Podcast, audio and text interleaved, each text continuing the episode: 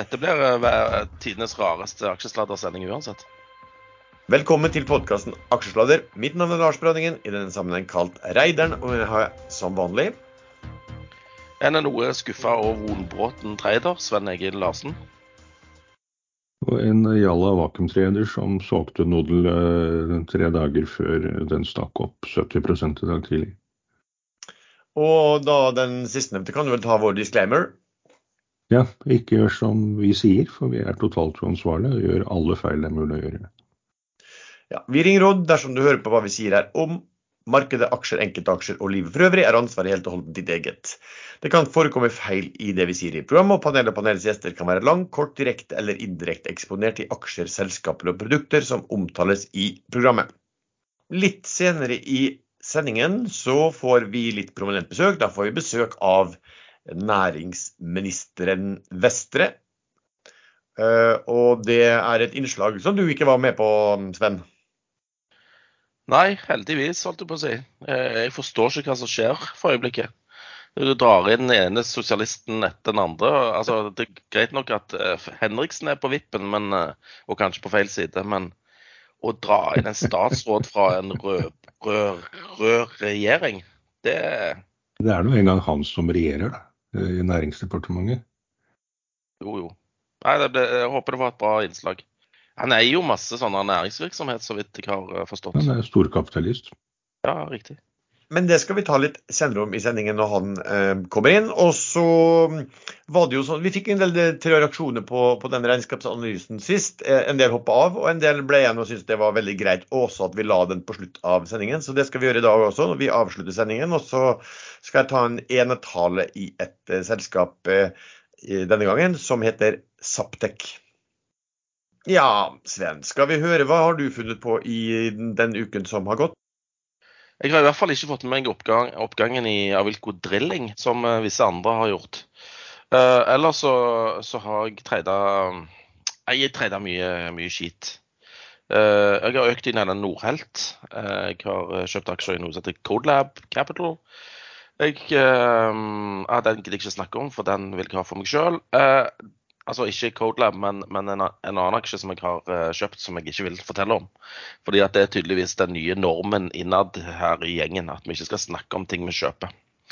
Uh, og så har jeg uh, Nei, jeg, jeg, er litt satt ut i dag. Jeg har gjort mye småtrades og tjent litt penger og tapt litt penger. Og så Jeg har noen case som jeg holder på med. Og så kommer det med bud i Mintra, da, som jeg absolutt ikke har tenkt å akseptere. Hvorfor er du satt ut? Jeg liker jo ikke når du tjener masse penger uh, på og, og vi ikke gjør det. Det er liksom akkurat som bursdagsselskap og du spiser hele kaken. Vi får ingenting, okay. ikke en smule engang. Ja, jeg sliter litt med å synes synd på deg for det akkurat i dag, men det er også Sånn er det. Du var jo i tillegg på julebordet med Pareto i går, noe jeg ikke var, så Ja men det var selvvalgt fra min side. Jævlig så han faller nå, denne, Nå har jeg kjøpt denne her av Wilco Drilling. Jeg kjøpte litt på 19 og 1735. Er det bare tull, dette? Jeg ser den hadde en topp i juni på nesten 16. Muligens skal han ja, tette gapet ned dit. 16? Jeg ligger, jeg ligger på kjøp på 17 jeg, nå. Jeg kan nevne litt om den sånn senere. Hva, hva caset var der. Men Erlend, hva har du funnet på i uken som uh, har gått? Jeg skal bare hjelpe Sven med en mulig nedre grense i Aiko drilling. Den, nå har ikke jeg intradag-kursen, men den sluttet på 1547 2. juni. Sånne aksjer som stikker Ja, Da kjøpte jeg noen mer på 1750. Ja, men det går over der igjen. Det har vært mer enn 17. Åh, Nei, ferdig. Ja, eh, OK. Hva har vi gjort resten av uken? Nei, eller hva tid? Erlend, hva har du gjort? Ja, det var meg, ja. Du var ferdig, Sven? Ja. Nei, jeg Jeg sa jo da forrige aksjesladderepisode at jeg har Nodel eh, som et bedt på at den kanskje tar et sånn vakuumrønn før de nye aksjene kommer. Men de nye aksjene er utstedt, og det sa jeg også. Og de kommer de blir tilgjengelig for trading den dagen prospektet er eh, godkjent, og det vet man aldri når er. Eh, men den dagen rykker jo stadig nærmere. Og, og da jeg så en opportunity i Idex til å tjene litt korte, kjappe penger, så solgte jeg nå til å gikk inn der. Og der ligger jeg jo godt i pluss. Men eh, Nodel steg i dag på Avilko Drilling at Avilko Drilling vant rettssaken. Eh, og de rettssakene er jo ikke like, og det er ikke det samme som eh, Nodel er avhengig av at, at, de faktisk får lov å anke. Det var jo ikke caset med Avilko Drilling. Så det ble litt sånn smitteeffekt over på Nodel, og den gikk opp til Den var helt opp i 1,70, enda mer, tror jeg. Nå ligger den på 1,38. Så det var absolutt ingen grunn til at den skulle stige, og det prospektet rykker stadig nærmere. Så da tenkte jeg at da er ikke risikoen for den er høy på at kursen faller ned mot emisjonskursen på 12,5 øre, for der kommer det rundt 4-25 eh, millioner aksjer eh, når prospektet er klart. Og det er litt for mye til at eh, Og det er neppe langsiktige aksjonærer. Kanskje halvparten av dem. Så må man se. Da tar jeg den sikkert tilbake. Uh, ja, Idex den er nå akkurat så vidt over emisjonskursen. Uh, jeg kjøpte på litt over 0,40. Uh, og da forklarte jeg forrige gang hvorfor. Ellers har jeg holdt meg litt unna USA. Det er, det er litt sånn tregt marked i min type aksjer. Men mye annet går jo så det ljomer der borte. Men den Nvidia den falt faktisk på det folk oppfattet som veldig gode tall. Eh, den lå på rundt 500 dollar da Nvidia kom med tall, og så gikk den opp eh, noen dollar, men så ramla den helt ned til 470-tallet, og der ligger den nå. I prehandel i dag så ligger den på 476. Selv om det har kommet kursen opp på 650 dollar, er det vel etter det. Så det kan jo være et tidlig tegn på at eh, nå skal det komme en justering i de store aksjene, og at de som har ligget og ventet på når de skal sette shortene sine, at de plutselig gjør det. Og da kan ting falle mye. Men det kan snu opp igjen. Hvem vet. Etterpå vet vi alle. Ja, okay. det var meg. Ja, ok. um, ja, for min del, uh, jeg kjøpte i forrige fredag, det var sikkert etter at vi hadde snakket, da uh, kjøpte jeg litt Økte litt i CM offshore. Og så kjøpte jeg en god del i Eidesvik offshore kom en ganske bra post der ute som gikk an å plukke da. Um, disse her eh, Nykode hadde jo, steg jo ganske kraftig, den og hva heter den, Ultimovax, de to biotekene. Så de har jeg solgt også denne uka. Kjøpt litt i Saga, ser jeg, Saga Pure, som egentlig bare faller og faller. Nå var den vel ned på ja, 0,78 ganger nettcash pluss noe ekstra. Um, jeg har kjøpt Himalaya Shipping. Um, Eh, som, eh, som, ser eh, bra ut so far. Og så kom det i dag noe melding på, på CM Offshore. Hadde vi inngått på to båter, noen seksårskontrakter som virket som det kunne være veldig bra. Kursen har stukket en del, og da har jeg solgt mesteparten der i dag. Lempa ut uh, Elkem som jeg hadde kjøpt før, på helt flatt. Og så kom jo da denne her um, allerede småberømmelige Avilco Drilling uh, med ja, en fantastisk nyhet i går. Veldig overraskende. Som, og der har jeg solgt nå ja, jeg tror jeg har solgt uh, drøye 85% av det jeg eier i dag. Um, der. Altså Bakgrunnen for den er jo da dette var et selskap som hadde to datterselskap, og hvert av de hadde bestilt eh, rigger, og de ble uenige med verftet.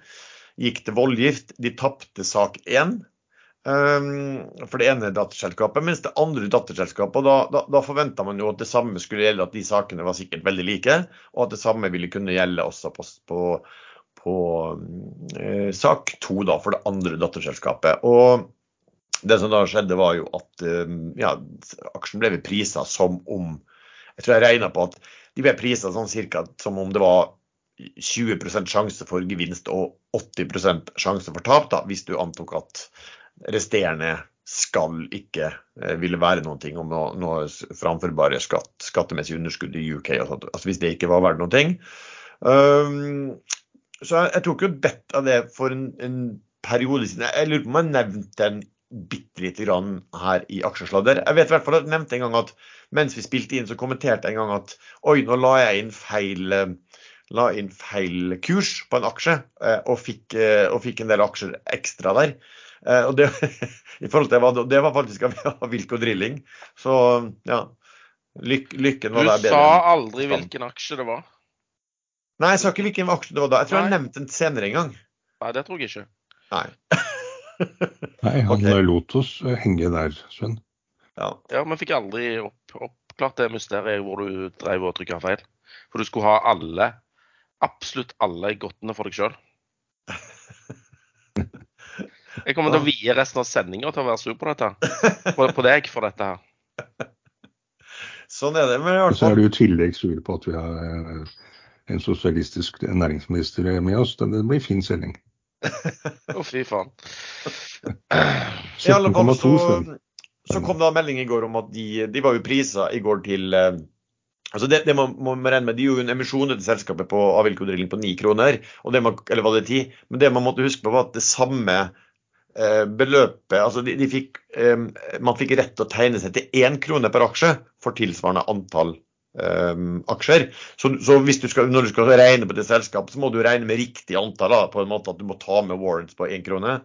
Uh, og da er det vel opp igjen 24 uh, nesten 25 millioner aksjer. da. Så så, mm, men når, kommer, når den priser til drøye 100 ja. millioner kroner, så, og det er klart det kommer inn at du har vunnet en, en sak som gir deg 43 millioner dollar pluss renter og pluss eh, saksomkostninger, så, så, sier det seg selv at det ble en gigantisk kursvinner i dag. Og så er spørsmålet hva, hva er verdiene her? Altså, Fearnley kom vel og regna fram på hva det par bare 20 kroner per aksje.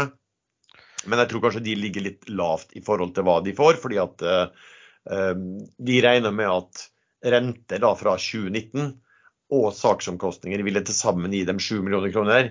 Uh, og 7 millioner dollar? Hei, hei, hei. Dollar, dollar ja. Sorry. Beklager. Ja, men, men, regnestykket er jo at det kommer 10,1 millioner nye aksjer utstedt via warrants ja. til 1 krone. Sånn at 24,7 millioner blir det rette aksjetallet å dele Eh, erstatningen på. Ja. Men eh, de kom fram til 21,80 hvis du forutsetter at de får totalt 50 millioner dollar. Eh, og, og, de har brukt en del penger på advokater, har jeg skjønt. Så, og det er i tillegg til rentene, så, så kanskje det er litt konservativt. Så derfor driver jeg og kjøper nå på 17. Eh, men kan vel ta litt tid fortsatt, kanskje? I hvert fall hvis altså- Kan de anke disse her, Keppel? Dette er sånn som vi har snakket om på Noddle, at du uh, kan vel ikke anke en voldgiftsdom uten videre. Du må, uh, du må liksom nesten søke den, den uh, voldgiftsdommen om å få lov til å anke. Og det må være på et eller annet uh, feil lovanvendelse eller et eller annet sånt. Altså, når det, skjedde, det motsatte skjedde, så anka jo ikke Avilko den saken. Um, så det blir jo interessant å se da, altså for det første at man anker. Og det er har vi sett sånne ting det har stått om det før, at det er veldig sjeldent man får lov til å anke en, en voldgiftsdom. Det er ikke så langt unna vanlige rettssaker. Man, uh, anker kan avvises. Ja, ikke bare avvises. Altså det, det er liksom Normen er jo at en voldgiftsdom står. Eh, og mm. du kan ikke bare anke, du, du, må ha helt spesifikke grunner til enten at det har kommet opp at det har vært tilbakeholdt informasjon, eller at de dommerne i voldgiftsdommen sånn som jeg har forstått det, må, må, ha brukt feil lover. Så jeg tror nok at eh, det, det, skal nok mye til for at det ikke går inn. Og så kan du si at hvis vi skal regne oss opp, da, hva, hva var det Fearnley hadde sagt, 50 millioner dollar, Sven? Var det så? That is correct. Ja, og hvis du da sier at jeg gjør bare litt sånn, eh, hvis du da sier at eh, det var 43 millioner de tilkjent, så kan du regne Du kan i hvert fall regne at de har brukt 7 millioner dollar på, på, i saksomkostninger. Og så gjorde jeg bare en sånn enkel Jeg regner med at ChatGPT hadde riktig, men da tok jeg og sa at det, det er ca. fire år og åtte måneder siden de betalte dette verftet 43 millioner dollar. Og du skal jo ha rente på de beløpene.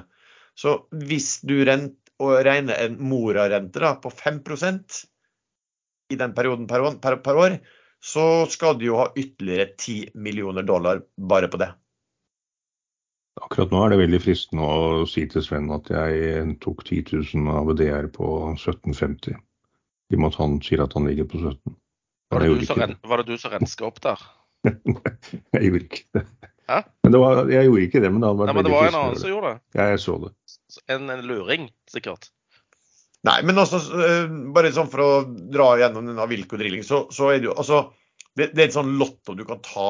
Hvis, hvis du har 100 sånne, da, så kan du ta sånne ting og kanskje tjene på det hvis du mener at markedet har, er litt for pessimistisk. Men at uh, når det kom melding i går at den ble holdt at jeg da tenkte liksom at her er det altså, sikkert 70% sjanse for at du har tapt, du taper. Det regner jeg med. Og så var det jeg og en som Alv på, eh, på Ekstrainvestor som også hadde kjøpt. Vi diskuterte jo litt. Og når det gikk da flere timer uten at det kom melding, så begynte vi å bli, få litt mer håp. For vi tenkte at har de tapt, så bør jo det gå veldig fort å skrive det. Det er bare én ting som er verre enn at du tjener penger og jeg ikke gjør det. Det er at Alf tjener penger og jeg ikke gjør det. Og jeg skal få julebord med han, og du, du, vel, du skal vel der du òg? Eh, Nei, jeg skal, jeg skal passe på å minne på dette her. Så det, det, blir Det blir et vondt møte, tror jeg. du gleder deg stort til det allerede? Jo, men han tjente bare 400% Sven. Ja, men jeg håper ikke han hadde like mange aksjer som, som Lars, for da begynner jeg å grine. Da går jeg hjem. Han, hvis han hører på denne sendingen, så kommer han i hvert fall til å si at han hadde det, Sven. Bare for å se reaksjonen. Nei, jeg vet han, han er ikke så risikopervers som deg. Så uh, han, han, hadde neppe så mange. Men uh, at han i det hele tatt hadde aksjer, er jo veldig irriterende i seg selv. Han kjøpte i forrige uke, tror jeg. Han spurte ah. meg litt om det, og jeg sa at dette er galskap, men jeg eier noen ting. Og så kjøpte han litt. Ja, Men hvordan fant han ut at du eide denne? Han spurte meg om jeg kjente til selskapet. Okay. Og da svarte jeg vel bare at det her går til helvete, men jeg eier noen aksjer. ok, Så de som jobber gratis for deg, de får ikke den samme informasjonen som uh, sånne gratispassasjerer uh, på Ekstrainvestor får? Han, det, han, spur, han, spurte meg, liksom. Var et jækla dyrt julebord, egentlig. Når jeg tenker meg om. Du, du, men husk at vi snakka jo litt om den i Spania når vi var ute. Nei, det gjorde vi heller ikke. Ja, gjorde vel ikke det. OK. Skal vi eh, komme oss bort fra den da, og så over på noe Spania, var det det julebordet som jeg aldri ble invitert på? Jeg tror du ble invitert, men eh, du rakk Nei, vel aldri fram. Du rakk aldri fram i tide, tror jeg. Det var, gjerne, det var gjerne kort varsel. Noen timers uh, varsel, liksom. Ja, fra Spania. Ja. ja. ja, ja. ja sånn er det. Um, vi bare hevner oss. Skal vi ta Har det vært noen emisjoner eh, slash nedsalg denne uken, eh, Sven? Ja, det har det sikkert vært. Men eh, jeg tror jeg var med på noe òg. Jo, jeg var med i denne her uh, Hudley, er det det den heter? De sa noe sånn telefonkonferanse, linse, løsningsgreier. Ja, stemmer. Kurs uh, 50 øre. Jeg tegna vinstebeløp, fikk eh, aksjer for 700 000 tror ikke den trenger å bli så dum. Jeg, jeg skulle tegne meg noe, bare tenkte over at ja, det her tar jo lang tid. Og så kom jeg tilbake til, til, til PC-en og så at, eh, at, den skulle stenges allerede halv sju.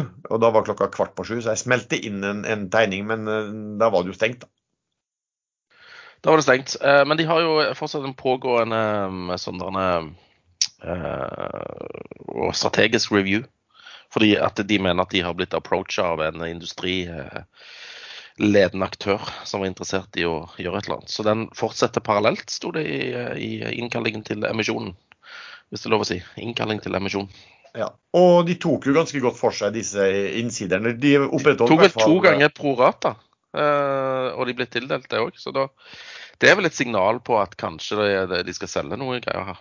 Ja, Så det du mener at, at, at det er min tur å bli sur på deg om litt, for at du ikke fortalte meg at nå må du skynde deg å tegne? Ja, jeg blir veldig glad når du blir sur på meg. jeg blir aldri sur på deg, venn.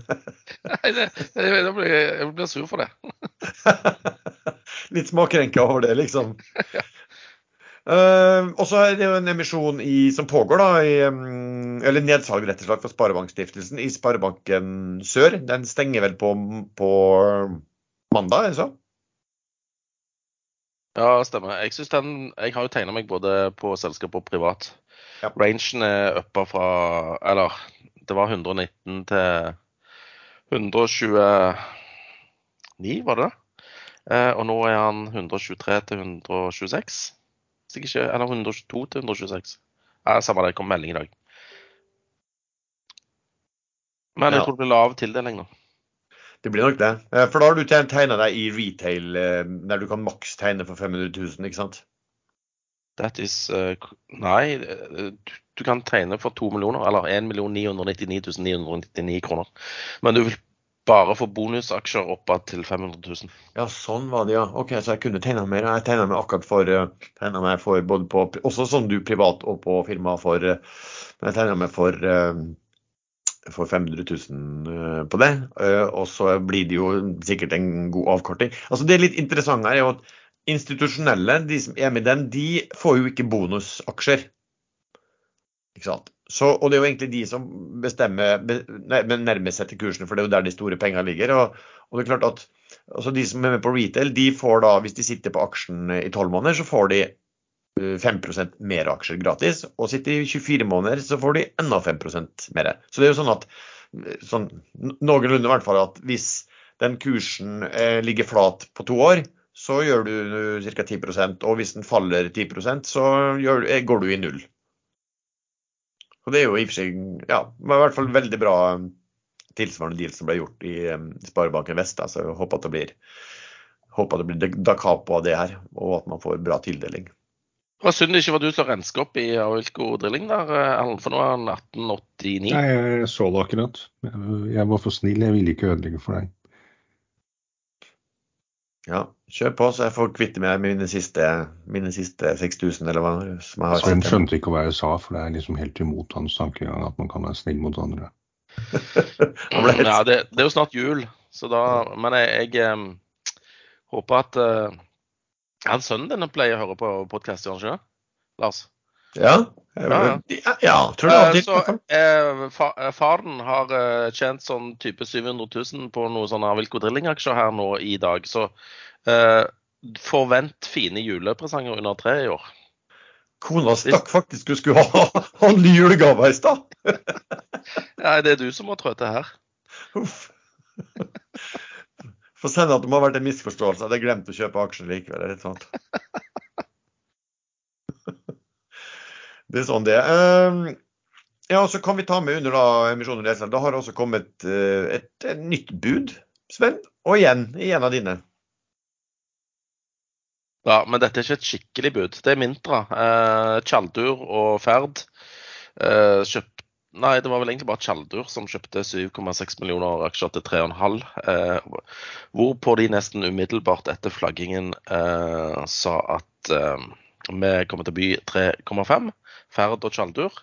Men eh, jeg hadde egentlig tenkt å snakke om den litt senere, men jeg kan godt ta den nå. Eh, dette minner mistenkelig om måten, samme framgangsmåte som ble gjort i Kufri, eh, der Riber og Sønn kom med et bud etter å ha kjøpt seg eh, kraftig opp. Eh, samme fremgangsmåte. De kjøpte og kjøpte i markedet, og så bøy de 6,2 kroner. Eh, de, det ble vel akseptert av en sånn 70-80 eh, Og ble liggende på børs. Interessen falt, og aksjen falt vel ned under 5,50. Eh, og så eh, jobba de på i bakgrunnen eh, og fikk solgt det til 12 til en annen aktør, eller sammen med en annen aktør. Og jeg tipper dette til å skje, er det samme som kommer til å skje her. Jeg tror egentlig ikke Ferd og Tjaldur vil ha dette selskapet. Jeg tror de leter etter en exit. Men jeg tror de vet at de får mer enn 350, og da da kjøper så mye de klarer der. Uh, forvalter selskapet bitte litt og finner en utenlandsk kjøper som har billige kroner.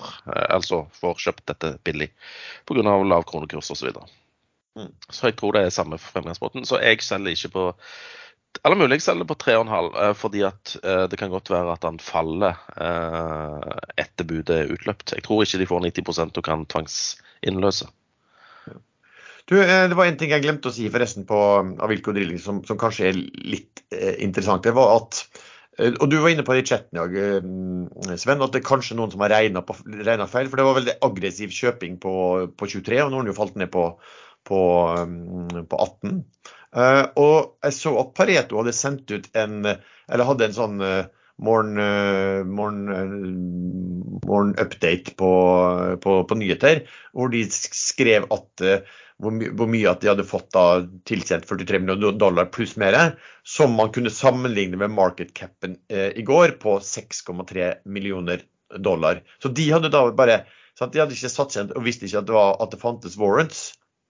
Så kan, jeg tenkte at det kan nok være at noen har sett det der og tenkt oi, her er det jo det sju gangeren så mye, liksom. Eh, og så har, har, man ikke tatt med og, og, og, visst om at det var warrants her, da. Så det kan jo være en grunn til at det var veldig aggressiv eh, kjøping i en periode veldig tidlig på dagen. Ja, og, og du må liksom kjenne litt til caset for å huske at det var warrants inni dette her. Ja, ja? Og det, husk, det husket jeg i går. Så tenkte jeg jippi, der kommer masse nye aksjer. Da tjener ikke Lars så mye penger. Uh, men fortsatt uh, hyggelig, da. tenk, så når, tenk så glad jeg ble når jeg husket Oi, der kom jo masse Warrens her. du blir ikke så ille likevel, liksom? Nei. Uh, ok, Har det vært noe annet? Har det vært, jo, et, et oppkjøp til har jo kommet. Bud på et, faktisk et veldig stort selskap. Ah, begynner å ah, Jeg har det på tungen. Ah, det vinter. Ja, stemmer det. det var, men der regnet jeg ut. Budet blir på 115. Fordi at Bloomberg kom jo med en artikkel for noen uker siden som sa at uh, de priset til mer enn 41 milliarder uh, kroner, tror jeg det var. Eller hva? det kan ikke være dollar, det må jo være kroner. Eh, og, og, da regnet jeg fram til at det blir 114,8 eller noe, men det spørs litt på dollarkurs. Så det ble 115, så det var rett i det var, Men jeg visste jo ikke om budet kom, da, så jeg hadde jo ikke aksjer i Advinta, og han treda jo på 107 eller noe sånt, så jeg følte ikke at oppsiden var så veldig stor. I tilfelle budet ikke kom, så ville han sikkert falt ned til rundt 90, var min ja. tanke. Mm. Ja, ja, men det, det, det, kom jo en melding om også en artikkel på at de, de kanskje hadde fått litt kalde føtter, den oppkjøpsgruppa. Og da var, falt vel den ned på, godt ned på 90-tallet, eh, før det kom nesten kontrarykter igjen og sa at nei, det, de var, de var like, like, aktuelle fortsatt. Men jeg syns det er litt fascinerende at eh, Bloomberg, eller jeg tror det var Bloomberg, som plukker opp at ja, prisingen er 41 milliarder kroner, liksom. Altså, hvor, hvor, hvem er det som lekker ut sånt? Ja, du, du får, ja, det er jo en ekstrem presis eh, Ekstremt presist rykte da, når, når, når, når, kursen blir nøyaktig det samme, liksom. Ja, ganske fascinerende. Hvor var tilsynsmyndighetene da, liksom? Skal vi se, Nå skal jeg gjøre, se om jeg får til noe greier her. Skal vi, jeg bare trader litt her. Da burde du sikkert selge av Ico-drillingen, det du fikk. Hva tror du jeg holder på med? Du holder på å selge nå? Eh, nå skal vi se om jeg får eh, sånn. Lag meg skjult på 19, da.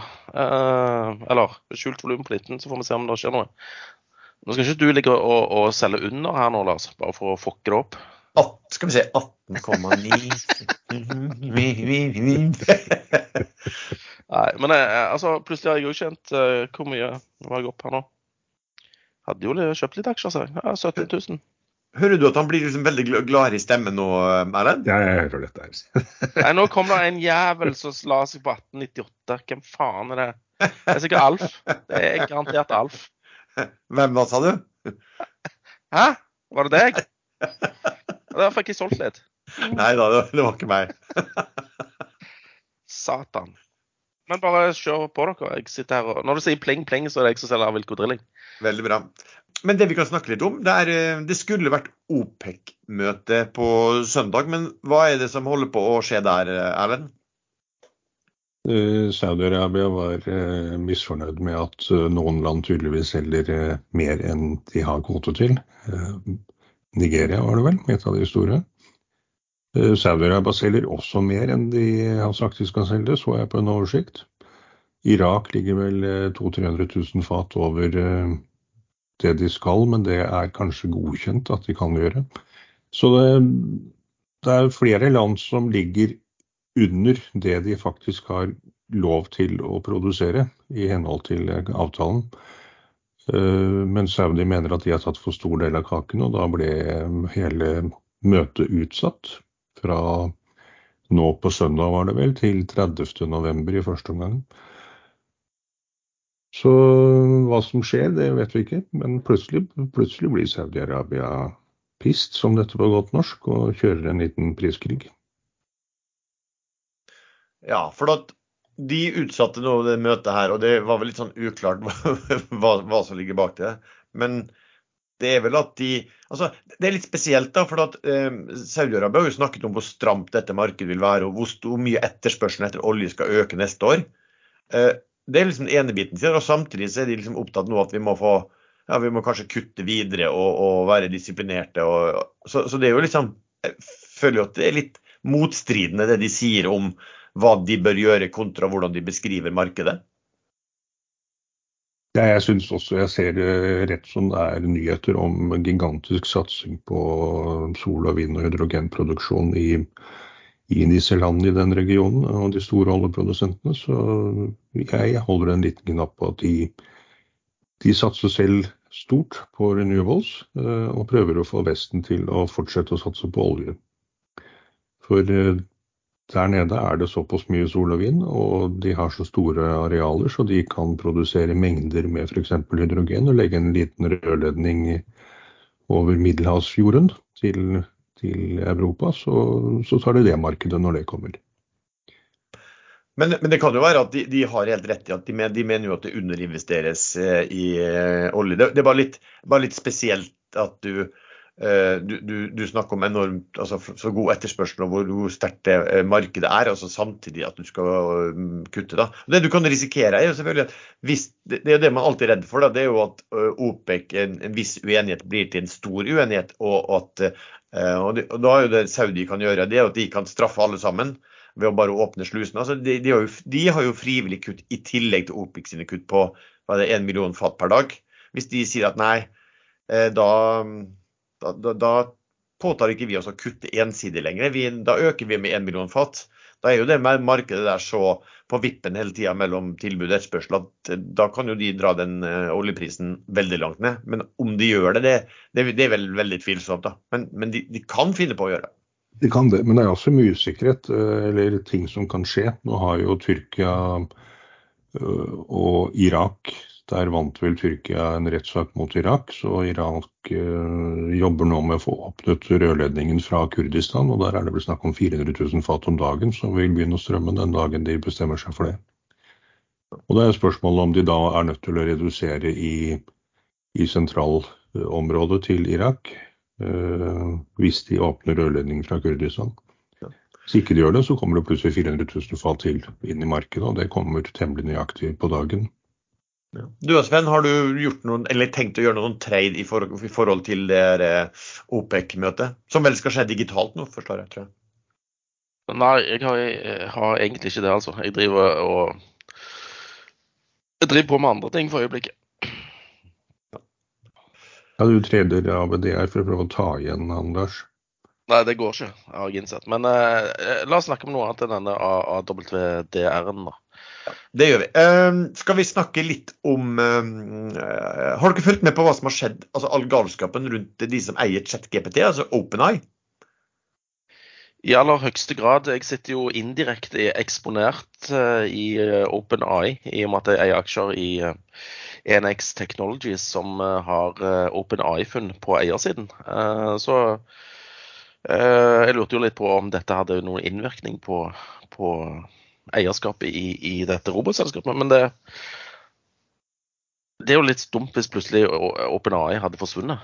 Men jeg, eh, jeg lurer på hva som skjedde. Det var like før, men jeg kjenner, ja, jeg tror det. Jeg tror kjenner sønnen, til, eh, sønnen til en god venn med. Han jobber for Microsoft i Spania. Og dette har vært tema på alle mailer og i alle møter hos Microsoft i Spania. Det er ganske relativt høyt nivå han jobber på. Eh, hvor mange, hvor nær OpenAI var fra å forsvinne helt. Det var først 500 og hvor mange ansatte var det? 500 ansatte? Som, jeg tror det var oppe i 700 til slutt. Ja, det var, det var nesten alle. Siste ja. meldingen var at nesten alle, eller alle, kom til å slutte. Hvis ikke ja, kun, han ble som Kun de som jobbet i kantina så hadde lyst til å bli igjen, eh, forstår jeg. Ja.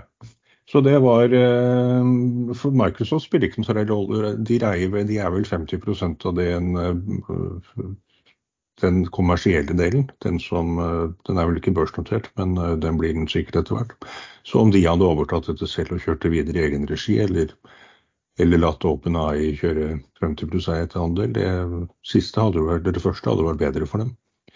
Men eh, nå er han igjen innsatt i jobben sin, han Sam Altman, og da har vel alt rodd seg. Ja, det har vel skiftet ut styret òg, forsto jeg. Det var vel en forutsetning. Men hvorfor har det her skjedd, egentlig? Fordi at eh, de hadde funnet ut et eller annet lurt eh, som gjorde at dette AI-greiene ble litt farlig. Nei, Var det ikke fordi Sam Altman hadde startet et uh, selskap på siden som uh, han Jo, det var muligens men også, altså, uh, den sparkingen skjedde noen dager etter at de hadde internt offentliggjort at de hadde fått en breakthrough i, i noe teknologisk opplegg. Jeg kan veldig lite om akkurat denne biten, altså, men det er i hvert fall det jeg leste. Altså, det, det, man må tenke seg, det, det, virker jo helt sykt, det her. Men eh, selve OpenEye er jo egentlig ikke et kommersielt selskap. i sånn måte. Det, det er satt opp med et selskap på toppen. altså Det er liksom ned, datterselskap nedover. Men hele tiden så vil det ligge et, en, et Jeg vet ikke om det regnes som, som, som, som, et limited-selskap, eller om det er et, eh, en stiftelse. Men det er i hvert fall et selskap på toppen som kontrollert, og der, eh, altså Hele formålet med det selskapet er at de skal bringe ut AI på en og, og, gjerne jobbe mot det som heter AGI, da, altså en uh, artifisiell generell uh, intelligens. Og at det skal gjøres liksom, på, en, på, en, forsvarlig måte til det beste for, for menneskeheten. Og at, de, og at, de, heller skal bremse på da, hvis det her kan gå for fort. For det må ikke bli, bli farlig. og så har det tydeligvis skjedd at det har blitt så stor suksess at at ja, ansatte Sam Altman alt det her, de har blitt veldig glad i å kjøre fort fram og få markedsandeler, og, og, og, også få prise dette selskapet ekstremt høyt da, og tjene veldig mye penger på det selv. Så, så det som da var, var, på mange måter grunntanken, er jo da blitt sånn at de ansatte og han Sam Altman virker jo ikke være enig i den grunntanken i det hele tatt lenger, selv om det ligger fast. og og det styret som sparker han, de har som eneste oppgave å sørge for at dette gjøres. Altså um, alt dette her, hva skal si, Det etiske um, skal gå foran det, det, det kommersielle her. Så, så, så, det er jo veldig, veldig sånn spesielt. Og det er også sånn spesielt at de, de som har skutt penger inn i dette datterselskapet OpenEye, de, der, der, ligger det også en begrensning på faktisk hvor mye du skal kunne tjene. Så, så, her er det vel en del sånn at den suksessen her er, det, det er blitt så mye penger i at de vil på mange måter få, lø, få løs, løsna opp det her da, på å få ut styremedlemmer og kanskje ja, prøve å gjøre det eh, helt kommersielt. Um, men, men det teknologiske gjennombruddet var at vi faktisk har fått til uh, GAI, uh, altså selvlærende og selvtenkende intelligens da, Gay. Ja. Gay. Gay. Gay, ja. Da er det egentlig bare å krype ned i det bomberommet som vi alle har laget eh, dypt inne i skogen på en liten hytte. Jo, men det er, det er jo faktisk det som eh, ryktes at det, det, var derfor de grep inn. og han, han, var jo med opprinnelig på dette. Han som er da Chief Scientific Officer, en som heter Ilia, et eller annet som han, Elon Musk snakker så varmt om. og Så, så mange liksom mener en stor del av seg hjernen bak, eh, bak liksom, hva, hva ChatGPT har eh, fått til. da. Og han er også visstnok veldig bekymra for at de hadde fått til gjennom et sånt prosjekt de kalte Q et eller annet. Eh, og at ja, det, det var vel det det ryktes om, i hvert fall. At det, det, var kommet såpass langt at de blir redde for det. Og, og AGE er jo egentlig sånn altså, Da er det maskinen etter hvert som styrer, for da kan maskinen begynne å resonnere og gjøre oppgaver som eh, mennesker. Og, og, det er jo der du har de framtidsfablene, hvor, hvor liksom hele systemet bare har tatt over. Skynet heter det. Terminator. Men det kan jo også gå veldig bra. Han kan jo øh, Problemet er hvis øh, en sånn øh, maskinlæring begynner å se på menneskene som problemet, og det er vi jo sånn sett òg. Da går det ikke så bra. Men sånne ting ender jo stort sett bra. Det er ja. Nå hadde, nå hadde de bytta styre, da, og i styret satt vel fortsatt folk som, som var veldig opptatt av det her Eh, det etiske sånn. altså og, og, og, og, som sannsynligvis har de gjort en eller annen forlik som gjør at han Altman også eh, Han drev vel egen maktkamp inn i dette her, og spilte styremedlemmer ut mot hverandre, i hvert fall i forhold til visse, visse artikler. Og, Sånn at han kanskje får litt friere tøyler, men til gjengjeld blir han nødt til å rapportere på en skikkelig måte til, eh, til, til styret der, da. Så, ja, så alt er i hvert fall tilbake igjen. Og det var jo var bra for din uh, satsing. Uh, for det hadde vært kjedelig hvis de plutselig hadde bare gått over ende, noe som det kunne se ut som hele selskapet kunne gjøre ved å miste alle ansatte nå. Ja, Det hadde ikke betydd så veldig mye for én ekstra, men eh, det, det, hadde jo Det hadde jo ført til litt støy. Ja. Men nå er, jo, nå er, det jo, en større aktør der som kommer inn med en del mer eh, greier. Så ja. Sånn er det. Uh, nå skal vi sjalte ut uh, høyremannen vår, uh, for da skal vi ha et innslag med, med næringsministeren. og så etterpå det igjen så kommer vi tilbake og avslutter vel med det vi har som er kommende ukes favoritter. Det er vel bare å spole fram en halvtime her nå, er det ikke det?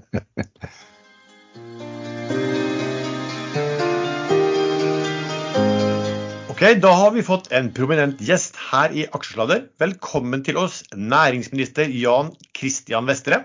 Tusen hjertelig takk. Um, så ser, du, du, er faktisk bare 37 år, uh, så du har gjort en solid karriere i, i, til, i den alderen. Kan ikke du fortelle litt om eh, din um, bakgrunn? Ja, altså jeg er jo født i Haugesund, da, og vi flyttet til Oslo da jeg var to år. Jeg er utdannet jurist. Og så har jeg vært politisk engasjert i mange mange år i AUF og jobba på Stortinget og litt sånn forskjellig. Og så da jeg var 25 år, så ble pappaen min sjuk, fikk kreft og døde. Og da overtok jeg ansvaret for familiebedriften og var så heldig å få lede den sammen med fantastiske kollegaer og utrolig flinke folk i vel nesten ti år. Og så ringte Jonas da, etter valget i 2021 og spurte om jeg ville bli næringsminister. Og det kunne jeg selvfølgelig ikke si nei til. Og nå har jeg hatt den jobben i over to år og stortrives og gleder meg til å gå på jobb hver eneste dag på vegne av eh, og for norsk næringsliv, da. Mm. Men den familiebedriften som, eh, som, du har ledet, og jeg forstår du er ganske stor eier i også, hva, hva driver den på med? Det er en møbelprodusent som eh, leverer eh, møbler og løsninger først og fremst for Uterommet det var opprinnelig min bestefar som etablerte Vestre, som bedriften heter, da, i Haugesund i 1947. og Så velta den i 1988 og ble starta opp igjen i Oslo samme år. Så det har vært sånn bygget stein på stein eh, med oppmerksomhet på kvalitet og produksjon i Skandinavia. og og hele tiden eh, med et eh, fokus på å lage gode produkter. Da. Så da jeg overtok og var en utålmodig 25-åring som var ekstremt opptatt og drevet av vekst, vekst, vekst, vekst, så ble jo egentlig fokuset mer på hvordan kan vi bygge dette stort og sterkt og ta det ut i verden og Europa. Da. Og jeg vet ikke akkurat for øyeblikket, for jeg er jo selvfølgelig helt ute av den daglige driften av selskapet og er jo bare en passiv eier på generalforsamling. Men jeg tror de har en eksportavdel nå på oppi 80% og salg i mange land. Og det er jo gøy å få vært med på å bygge opp en vekstbedrift da, som også konkurrerer internasjonalt, og som lykkes i internasjonal konkurranse. Og jeg prøver å ta med meg en del av den lærdommen jeg har hatt som bedriftsleder selv. og, og fått vært med å bygge opp et sånt selskap inn i jobben som næringsminister. Så er det veldig store forskjeller å lede en bedrift og, og lede et departement. Det har jeg fått lære meg. Men jeg håper og tror likevel at noe av erfaringen kan være nyttig når vi skal forstå næringslivets behov og lage en mest mulig næringsvennlig, investeringsvennlig eh, politikk for bedriftene i Norge. Ja, for, du, for, du, snakker jo mye med bedriftseiere eh, rundt omkring, og bedriftsledere selvfølgelig. Eh, og jeg tenker at du må jo ha mye nytte av at du ikke eh, er en, bare en teoretiker, som, som, mange kan være i den type posisjon, men at du har altså, praktisk erfaring fra, fra, fra lederskap og eksportbedrift i så mange år? Ja, jeg håper jo det, da. Jeg tror jeg er den første næringsministeren som kommer fra næringslivet, og som har hatt skoa på i næringslivet på den måten da, som jeg har. Og så er jo norsk næringsliv veldig mangfoldig, selvfølgelig. Består av både små og mellomstore bedrifter. De utgjør vel 99 eh, Vi har store bedrifter, og vi har jo bedrifter innenfor utrolig mange spennende eh, næringsområder. Det er jo et veldig mangfold i norsk næringsliv. Og jeg har jo kunnskap av en, en bitte liten del av norsk næringsliv.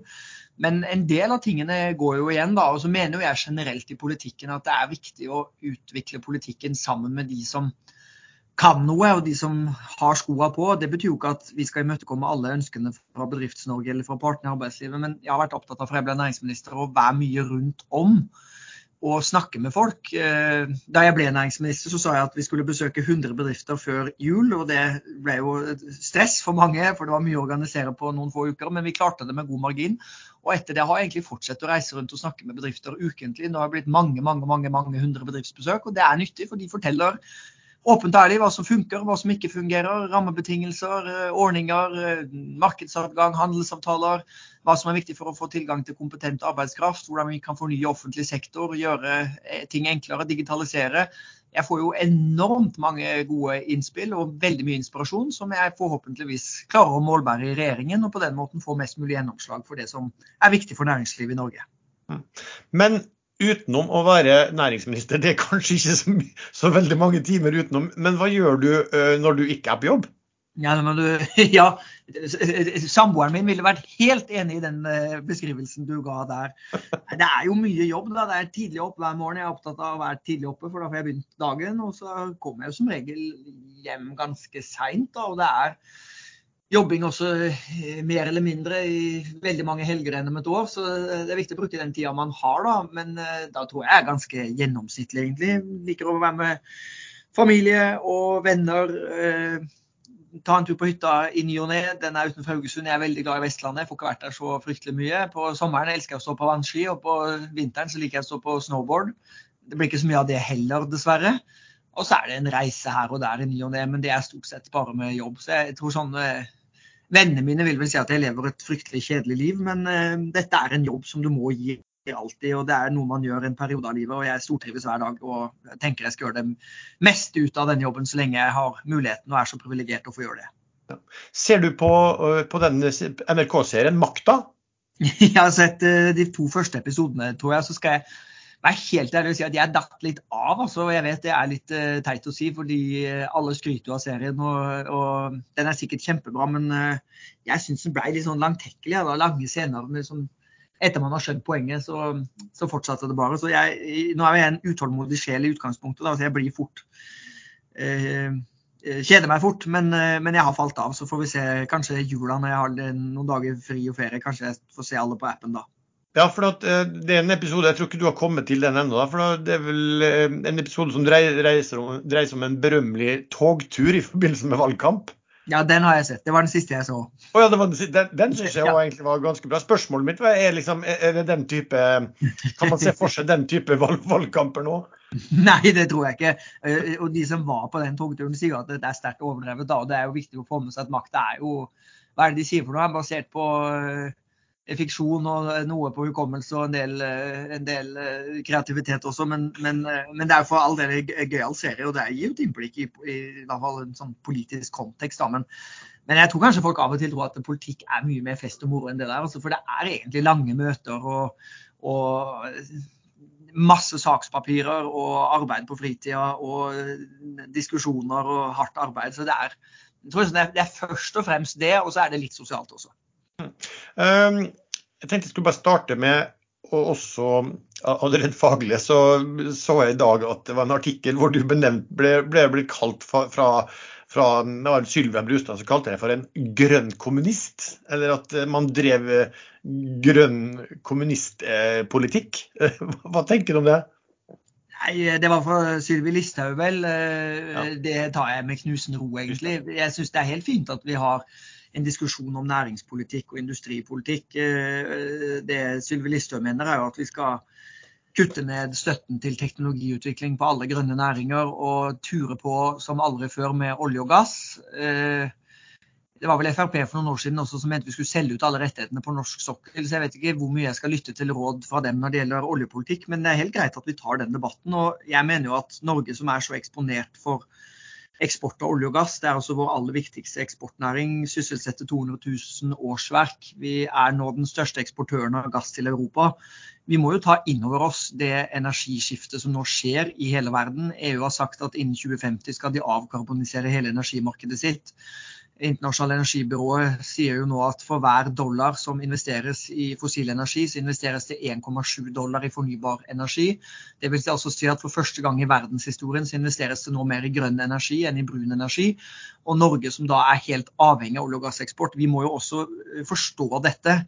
Så det å liksom lukke igjen eh, ørene, ta bånd for eh, øynene, grave seg ned og håpe at hele verden tar feil og at omstillingen går over, det er høyrisikabelt. Så vi må være forberedt på å ta litt mer risiko. Vi må være forberedt på at ikke alle investeringene går hjem med en gang. Eh, omstilling er dyrt, omstilling er vanskelig, men hele verden skal omstille seg. Det må også Norge gjøre. og Da er jeg opptatt av at vi griper de mulighetene og tar kloke beslutninger nå, sånn at Norge kan forbli en industriell energistormakt også den dagen verden sier at nå kjøper vi ikke mer fossil energi for å brenne den. Ja, for Vi er jo en podkast som er retta mot uh, børsinvesteringer. og så da ser Vi jo, vi har jo børsnoterte selskap innen altså, si, ganske nye områder som havvind, hydrogen, karbonlagring uh, og, ja, og ja. sol, mining. ikke sant? Altså, Hvordan er egentlig Næringsdepartementet pådriver for disse, de næringene? Ja, Vi har jo lagt fram grønt industriløft. 1-0 i fjor og 2-0 i år. Over 150 tiltak knyttet til alt fra teknologiutvikling, forskning og utvikling, tilgang på kompetanse, tilgang på ren og rimelig kraft. Utvikle regulatoriske standarder, bidra med statlig risikoavlastning, jobbe sammen med våre partnere i EU for å få disse verdikjedene lønnsomme. Og Der er vi innom flere av de du nevnte nå. Da, både havvind, karbonfangst og -lagring, prosessindustri, batterier, hydrogen. Og så er jeg veldig opptatt av at som næringsminister og som næringsdepartement så skal ikke vi sitte og peke på enkeltvinnere eller forsøke å gjette hva som blir lønnsomt. Det må være privat kapital som bestemmer hvilke enkeltteknologier og hvilke enkeltselskaper som vinner denne tøffe konkurransen. Men det betyr ikke at vi som stat kan være helt passive og ikke legge forholdene til rette for at det kan gjennomføres lønnsomme investeringer i breie verdikjeder der vi har potensial i Norge. La oss ta havvind f.eks. Vi har syv ganger større havområder enn landområder. Vi vet at vi må produsere veldig mye mer fornybar energi framover fordi kraftbehovene øker som følge av at hele samfunnet skal elektrifiseres. Det er åpenbart at Norge med vår 50 års erfaring med olje og gass verdens beste offshoreingeniører, verdens beste offshorefagarbeidere har naturgitte forutsetninger, kompetansemessige forutsetninger og på andre måter fordeler av å bygge en sånn industri hjemme. Og da har vi sagt at det kan vi være med å legge til rette for. Men det er og blir privat kapital som må lede an. Vår jobb må først og fremst være å korrigere for det som måtte være av markedssvikter, og bidra til generell teknologiutvikling i, i samfunnet. Men et lite innspill der. Vi har en del olje, folk fra oljebransjen i den aksjechatten som vi kommer fra, ekstrainvestor. Og der var det en som skrev at i 2030 så vil Norge måtte, eller vil industrien, oljeindustrien måtte betale 90 milliarder kroner i CO2 og NOx-avgifter. Er det korrekt? Akkurat det tallet kan jeg ikke gå god for eller ikke si, men vi var jo tidlig ute med å innføre CO2-avgifter avgifter for produksjon av norsk olje og gass. og Det har jo også vært veldig bra for industrien, fordi det har jo bidratt til at vi kontinuerlig har jaget løsninger som har bidratt til redusert utslipp. og Det betyr jo bl.a. at den produksjonen som i dag skjer på norsk sokkel, har de laveste utslippene i verden. Vi produserer olje og gass med vesentlig lavere karbonutslipp enn det resten av verden gjør. Det kommer til å bli viktig for å utvikle denne næringen videre, ikke minst fordi EU i stadig større grad etterspør lavkarbonløsninger og produkter med, med, med lave utslipp. Og det at en også priser utslipp på en riktig måte, bidrar til en lønnsom omstilling av samfunnet. Og det vil også spesielt for olje- og gassnæringen kunne være med å bane vei for ny teknologi, f.eks. karbonfangst og -lagring, f.eks. produksjon av blått hydrogen, altså der vi konverterer naturgassen til hydrogen, som er en energibærer som kan bidra til elektrifisering uten utslipp, og som også er en innsatsfaktor i deler av industrien der en kan erstatte kull med hydrogen og da produsere f.eks. utslippsfritt grønt stål. Så her er det enorme muligheter for Norge fremover ved å utvikle de naturressursene vi har, men da må vi også gjøre det på en måte med stadig mindre utslipp. Og da er CO2-avgifter ett virkemiddel. Tilskudd til teknologiutvikling er et annet. Det å skape markeder i Europa, det å samarbeide med europeiske land, ha langsiktige, stabile rammebetingelser som gjør at en kan investere i grønn omstilling. Alt det vil være viktig for om Norge skal lykkes eller ikke lykkes. Men Du nevner blå hydrogen. Det er jo litt fy-fy i EU. De vil hovedsakelig ha grønn hydrogen, altså produsert direkte fra vann med strøm som innsats. Blå hydrogen er jo å hente ut hydrogen fra, eller om, omgjøre gass til hydrogen.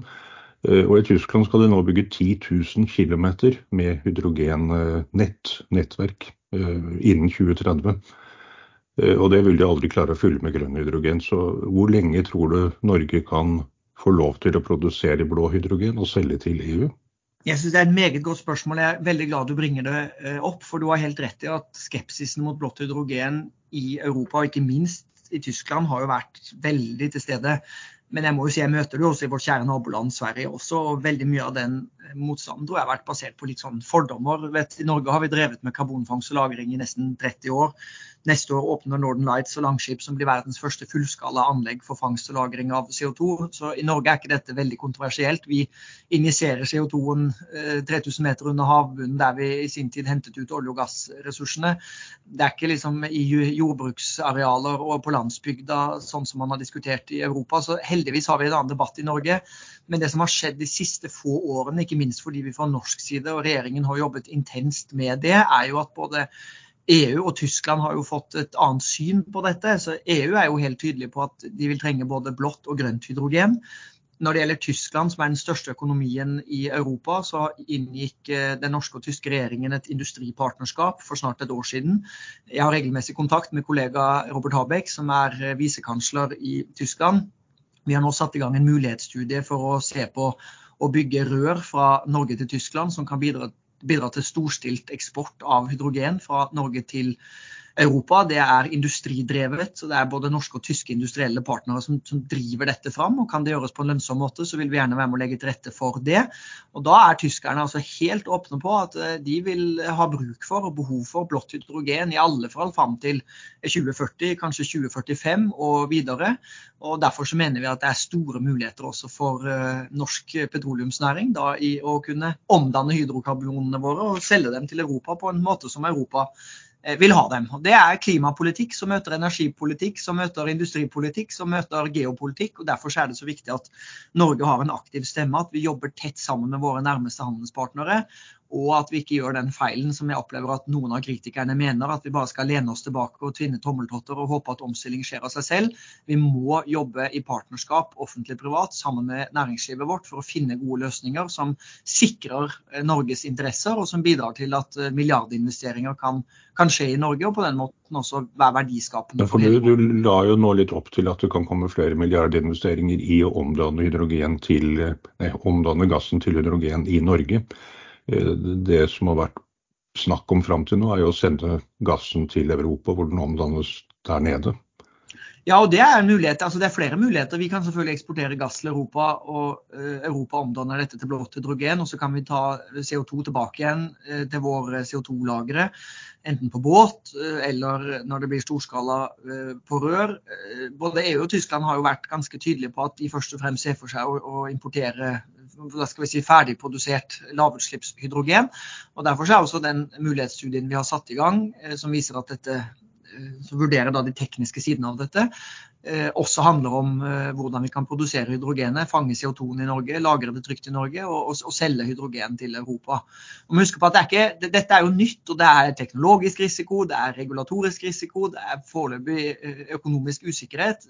Jeg sier ikke dette blir lett, det er ikke sikkert vi får det til. Kanskje er det en god idé, kanskje er det ikke en dårlig idé. Men vi må alltid være åpne for nye løsninger. Det var ikke selvsagt heller i sin tid at Norge skulle eksportere hydrokarboner i rør til Europa. Husk at bare noen få år før amerikanerne amerikanerne fant eh, olje på norsk sokkel, så sa våre fagmyndigheter at vi kunne se helt bort fra mulighetene for at det var petroleumsforekomster eh, utenfor kysten av Norge. De tok feil, og nå har vi skapt altså, den mest avanserte, mest moderne, mest eh, utslippseffektive, mest lønnsomme olje- og gassindustrien i verden.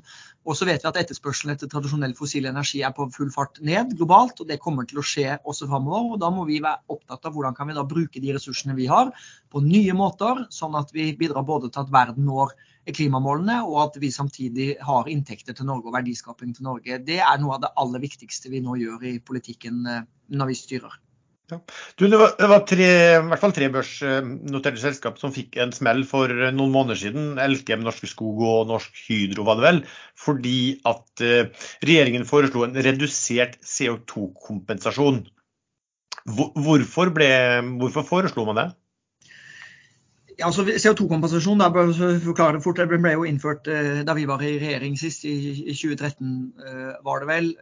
I år bruker vi mer på CO2-kompensasjon til industrien over statsbudsjettet på ett år enn det hele ordningen har kosta oss fra den ble etablert og fram til nå.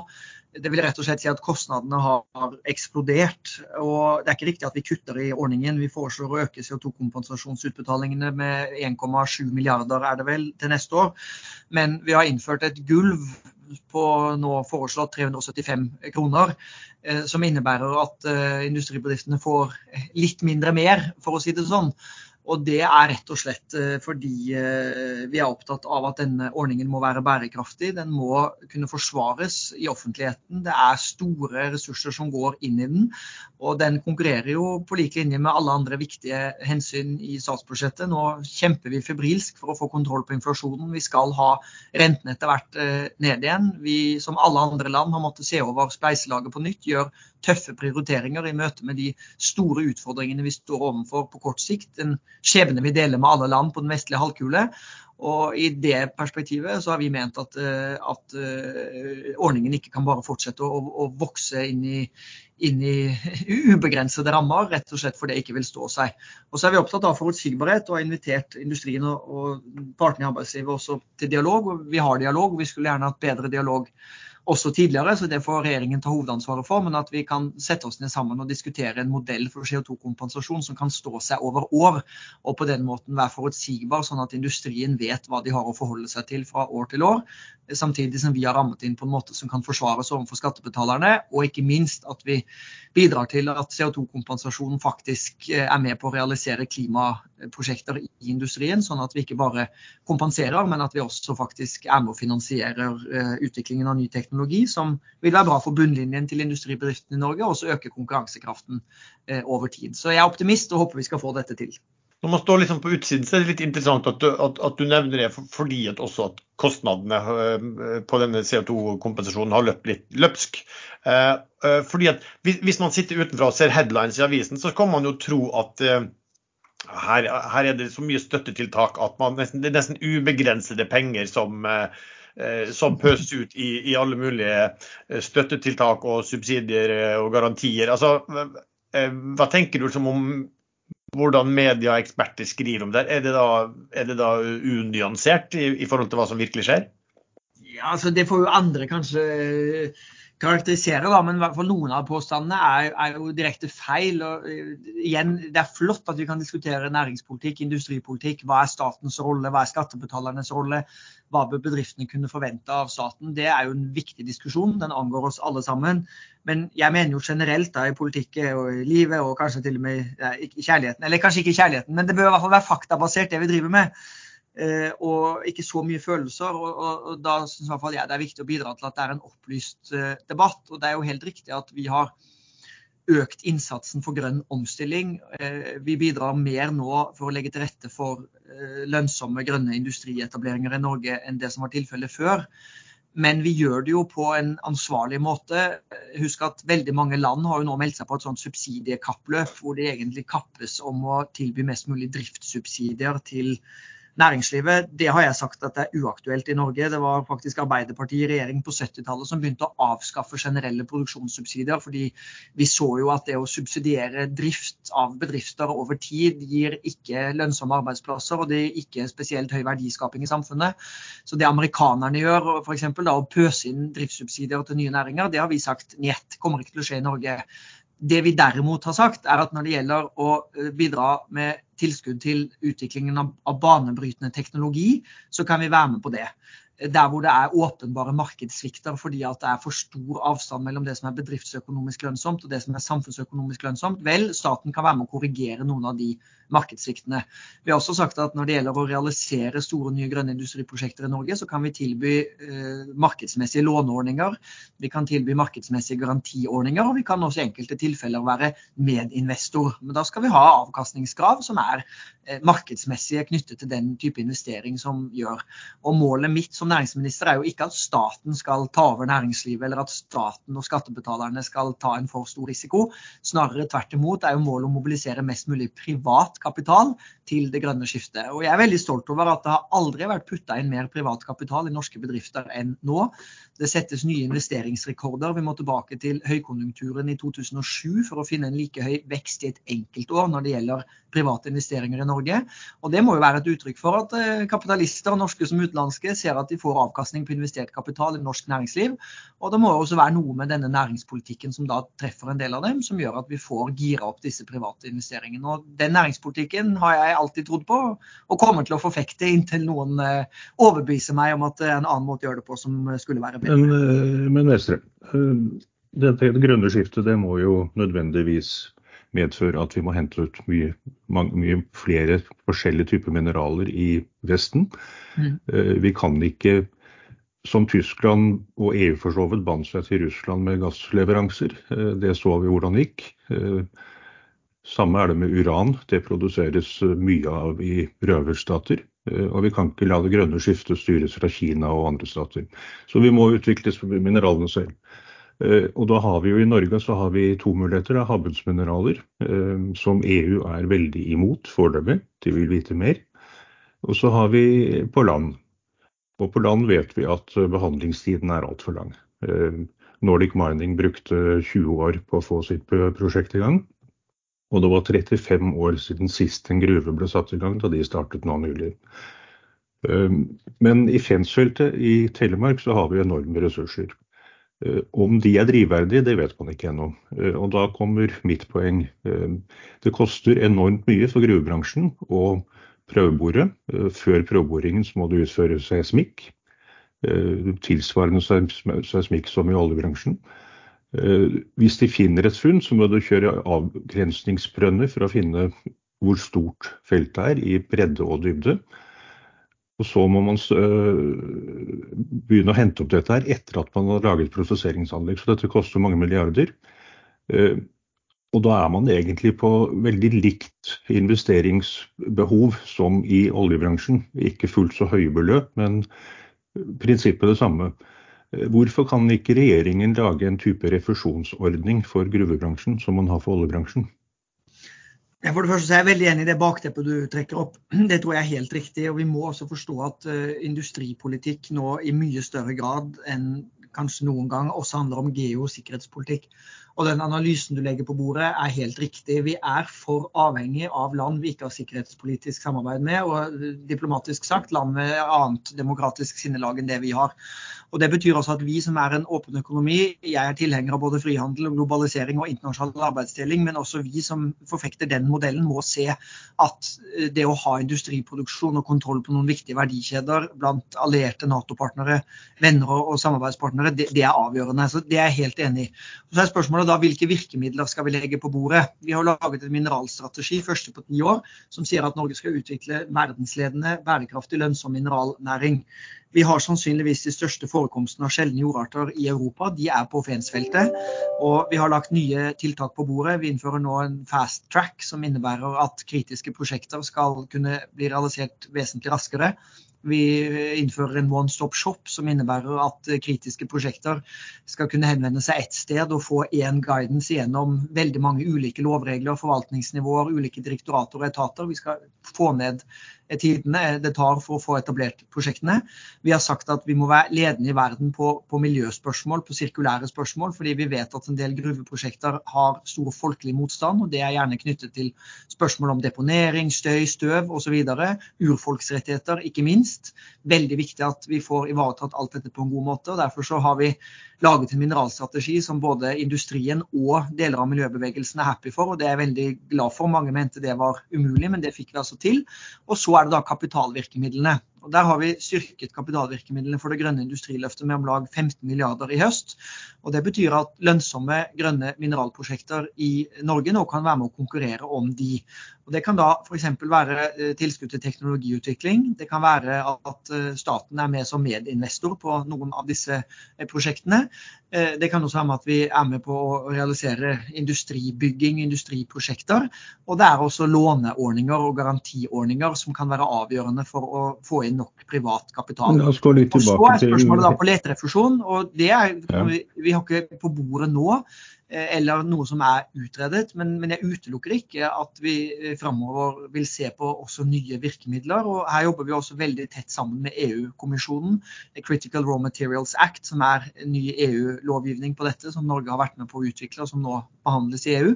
Og felles europeisk så vil jeg ikke utelukke at det kan være snakk om også flere virkemidler for å ha kontroll på disse verdikjedene i Europa. For den uh, Critical Raw Materials Act den åpner også for europeisk strategisk prosjekt. Og det vil jo åpne pengesekken i Europa mot norske prosjekter. Det er også riktig. Kort, helt konkret.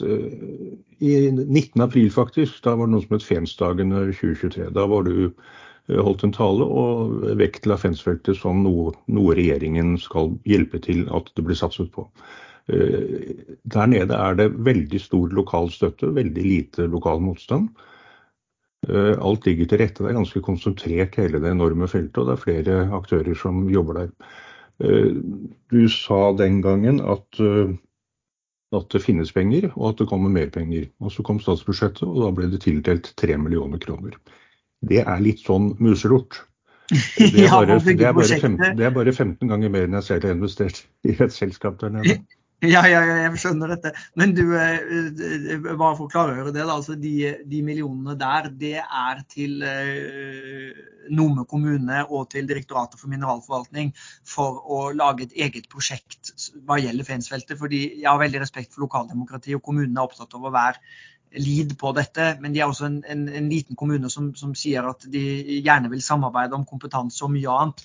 Så, så, det er egentlig for å legge til rette for at det er gode lokale planprosesser, gode lokale høringsprosesser, god kommunikasjon, godt samarbeid med næringslivet, og at det er tilstrekkelig kompetanse satt av i direktoratet i Trondheim til å følge opp Fensfeltet særskilt. Så vi, vi lager egentlig sånn Fens, uh, et eget spor for Fens-prosjektet med de millionene. Så når det gjelder uh, risikoavlastning for å realisere selve industriskalaen, så snakker vi jo private investeringer på, på, mange milliarder, det har du helt rett i. og Der har vi jo styrket av virkemiddelapparatet med 15 milliarder denne høsten, på toppen av det vi tidligere har gjort. Så her er det store muligheter nå for private aktører til å, å, søke og konkurrere og få tilgang til dette. Og så igjen er målet mitt at vi skal gjøre det med mest mulig privat eh, kapital, fordi privat kapital er best egnet til å vurdere hva som gir lønnsomhet eh, over tid. Tiden går jo fort når man har det gøy. Eh, så jeg tenkte vi skal avslutte med et spørsmål fra en veldig ivrig lytter som har sendt noen ting. Han skriver Hei, jeg heter Kjell Inge. Når kan jeg flytte hjem? Er det en, en, en, som er i Sveits, som vil hjem? Han skrev ikke hvor han var, men jeg mistenker det, ja. Ja, ja. Nei, du vet du hva. Eh, det som er så fantastisk med Norge, det er at vi er alt. Eh, vi er offentlig og privat sektor. Vi er de som eh, går på jobb om morgenen, og vi er de som skaper sine egne bedrifter. Vi er øst og vest og nord og sør. Og jeg er opptatt av at vi trenger alle til å bygge vårt land. Jeg er lei meg hver gang jeg hører noen flytter til uh, Sveits, fordi vi trenger dem. Kompetansen deres, engasjementet deres, uh, gjerne kapitalen deres også i Norge. Så budskapet mitt er vel egentlig bare til de som har flyttet ut, at hjertelig velkommen tilbake. Fedrelandet ønsker dere tilbake. Og så kan vi gjerne diskutere skatter og avgifter opp og ned og ha en saklig debatt om det. Og det gjør vi også, men jeg er også opptatt av at vi har et debattklima i Norge der vi alle bidrar til mindre polarisering, færre merkelapper. Jeg tar veldig avstand fra type retorikk som noen få har sagt om å ryke og reise og kalle folk som skaper verdier for baroner eller uh, profitører. Altså, det er tullpreik. Det er ikke noen som er baroner i Norge. Det er jobbskapere som vi skal heie på, som bidrar til å investere, jobbe beinhardt, stå på, skape lokale verdier, nasjonale verdier. Uten dem er det ingenting å fordele. Og Det er derfor jeg er medlem i Arbeiderpartiet. Fordi jeg tror på fellesskapsløsninger, jeg tror på sosial rettferdighet, jeg tror på omfordeling. Jeg vet, for jeg har sett som næringslivsleder, at et samfunn med små forskjeller og høy tillit, der vi har sosiale sikkerhetsnett og ta vare på hverandre, er utrolig lønnsomt for verdiskapingen. Det bringer oss på toppen i produktivitet i verden. Men jeg ser også, og vet også, erkjenner også, det gjorde eh, Arbeiderpartiet på Gerhardsen sin tid også, at verdiene må skapes før de kan deles. og Derfor så må vi heie på private bedrifter som går med overskudd. Vi må heie på private bedrifter som investerer. Vi må heie på både norsk og utenlandsk kapital som velger å investere pengene sine i Norge. Det er det som finansierer velferdsstaten vår. Og hvis ikke vi har et vekstkraftig, lønnsomt privat næringsliv, da er det ingen velferd velferdsstat, ingenting å fordele, heller ingen sosial omfordeling. Og Det heter skape og dele, og det mener jeg er en god grunn til å være med i Arbeiderpartiet. Så hjertelig velkommen alle som måtte være interessert. Men i Norge så har vi jo to store politiske blokker, den borgerlige og Arbeiderpartiet pluss støttepartier. Det er, det er i prinsippet veldig, veldig liten forskjell på skape og fordele-prinsippet du nevnte nå. Jeg mener jo det er ganske store forskjeller da, mellom de to store styringspartiene Høyre og Arbeiderpartiet. Det ser vi jo ikke minst i valgkampen. Eh, det er to forskjellige samfunnsretninger, og de blir jo større eh, etter hvert, kanskje. Men når det er sagt, så er jo Arbeiderpartiet også opptatt av å finne breie løsninger der vi kan gjøre det. Og jeg kunne jo gjerne ønske meg at i deler av politikken så fant vi litt bredere forlik også. Vi skulle jo gjerne hatt med Høyre på både forlik om grunnrenteskatt og ikke minst det som nå skjer på havvindutbygging. For jeg tror det er viktig for forutsigbarheten til våre viktige eh, eksport- og fremtidsnæringer at det er forutsigbarhet om det. Og så får jo alle gjøre de valgene de ønsker eh, selv. Så det er vår jobb å snakke om vår egen politikk først og fremst. så det skal i hvert fall jeg. Men dere kom akkurat med en egen mineralmelding. Eh, endringer i mineralloven som vil komme. Eh, Høyre kommer sin i mai. Og dere er ekstremt like der, så akkurat der burde dere faktisk samarbeide. Ja, vi eh, lytter gjerne til innspill som kommer derfra også. Nå skal jo regjeringen lage en helt ny minerallov og den håper jeg vi skal få på plass om, i, i, denne stortingsperioden. Og hvis vi kan få til breie forlik eh, der, så er jeg veldig veldig glad for, eh, for det. Men da er det viktig ikke bare snakke, da må man jo også bidra og, og, og gjøre ting. Og dessverre har det skjedd fryktelig lite i mineralpolitikken de nest siste ti årene da jeg ble næringsminister, så overtok jeg jo et stort uh, antall restanseklagesaker som ikke var tatt tak i. Nå jobber vi oss nedover, heldigvis. Jeg mener jo det tar altfor lang tid å få avklart viktige prosjekter. Uh, vi hadde ingen fast track, vi hadde ingen one stop shop, vi hadde ingen liste over kritiske råstoffer. Vi har ikke engang gjennomført uh, full geofysisk kartlegging av hele Norge. Det er vi nå i full gang med, og det skal, vi få, det skal jeg få slutt på, for jeg er ferdig som næringsminister. Så det viktigste er å handle, da, ikke å snakke. Da får vi til resultater. Finland har vel kartlagt 95% av landet, Norge 10-20 kanskje. Jeg tror det er litt mer, men det er, det er, et stort potensial. og Jeg vil gjerne at vi skal få det gjort, rett og slett fordi det er viktig for landet vårt og det er viktig for næringslivet vårt. og Hvis andre partier har lyst til å være med og samarbeide om det, så gjør det meg bare glad. Det skal ikke stå på meg. Og med det så takker jeg så hjertelig for at du har stilt opp næringsminister Jan Kristian Vestre. Jeg håper virkelig at eh, du lykkes med næringspolitikken framover, for det er jo til det beste for oss alle. Tusen takk for at jeg fikk komme. Det var veldig hyggelig å få snakke med dere. Og så håper jeg at jeg får komme igjen en annen gang også, så vi kan prate om andre viktige temaer for eh, næringsliv og samfunnsliv. Det satser vi på.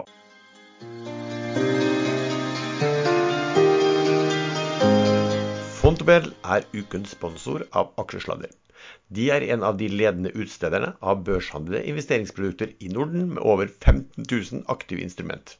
Med Bull- og Beige-sertifikater kan du som investor ta del i oppturer og nedturer på børser over hele verden. Disse sertifikatene gir deg som investor mulighet til å omsette din tro på den kommende markedsutviklingen til handling, og i henhold til din egen risikoprofil. Bull- og Beige-sertifikat gir investorer en forsterket effekt, en giring av utviklingen i aksjer, indekser, valutaer eller råvarer, enten markedene går opp eller ned. Vi har i denne episoden snakket med næringsministeren om grønne næringer så vel som olje- og gassnæringen. I mange av disse næringene er det et selskap hvor du kan handle i bull- og bear-produkter med betydelig gearing. Slike og et stort antall andre sertifikat utstedt av Fontobel kan du handle via Nordnett. Husk at du risikerer hele kapitalen ved å investere i slike produkter. Som investor bærer du Fontobels kredittrisiko. Fullstendig produktinformasjon samt risker kan du lese om på markets.fontobel.com.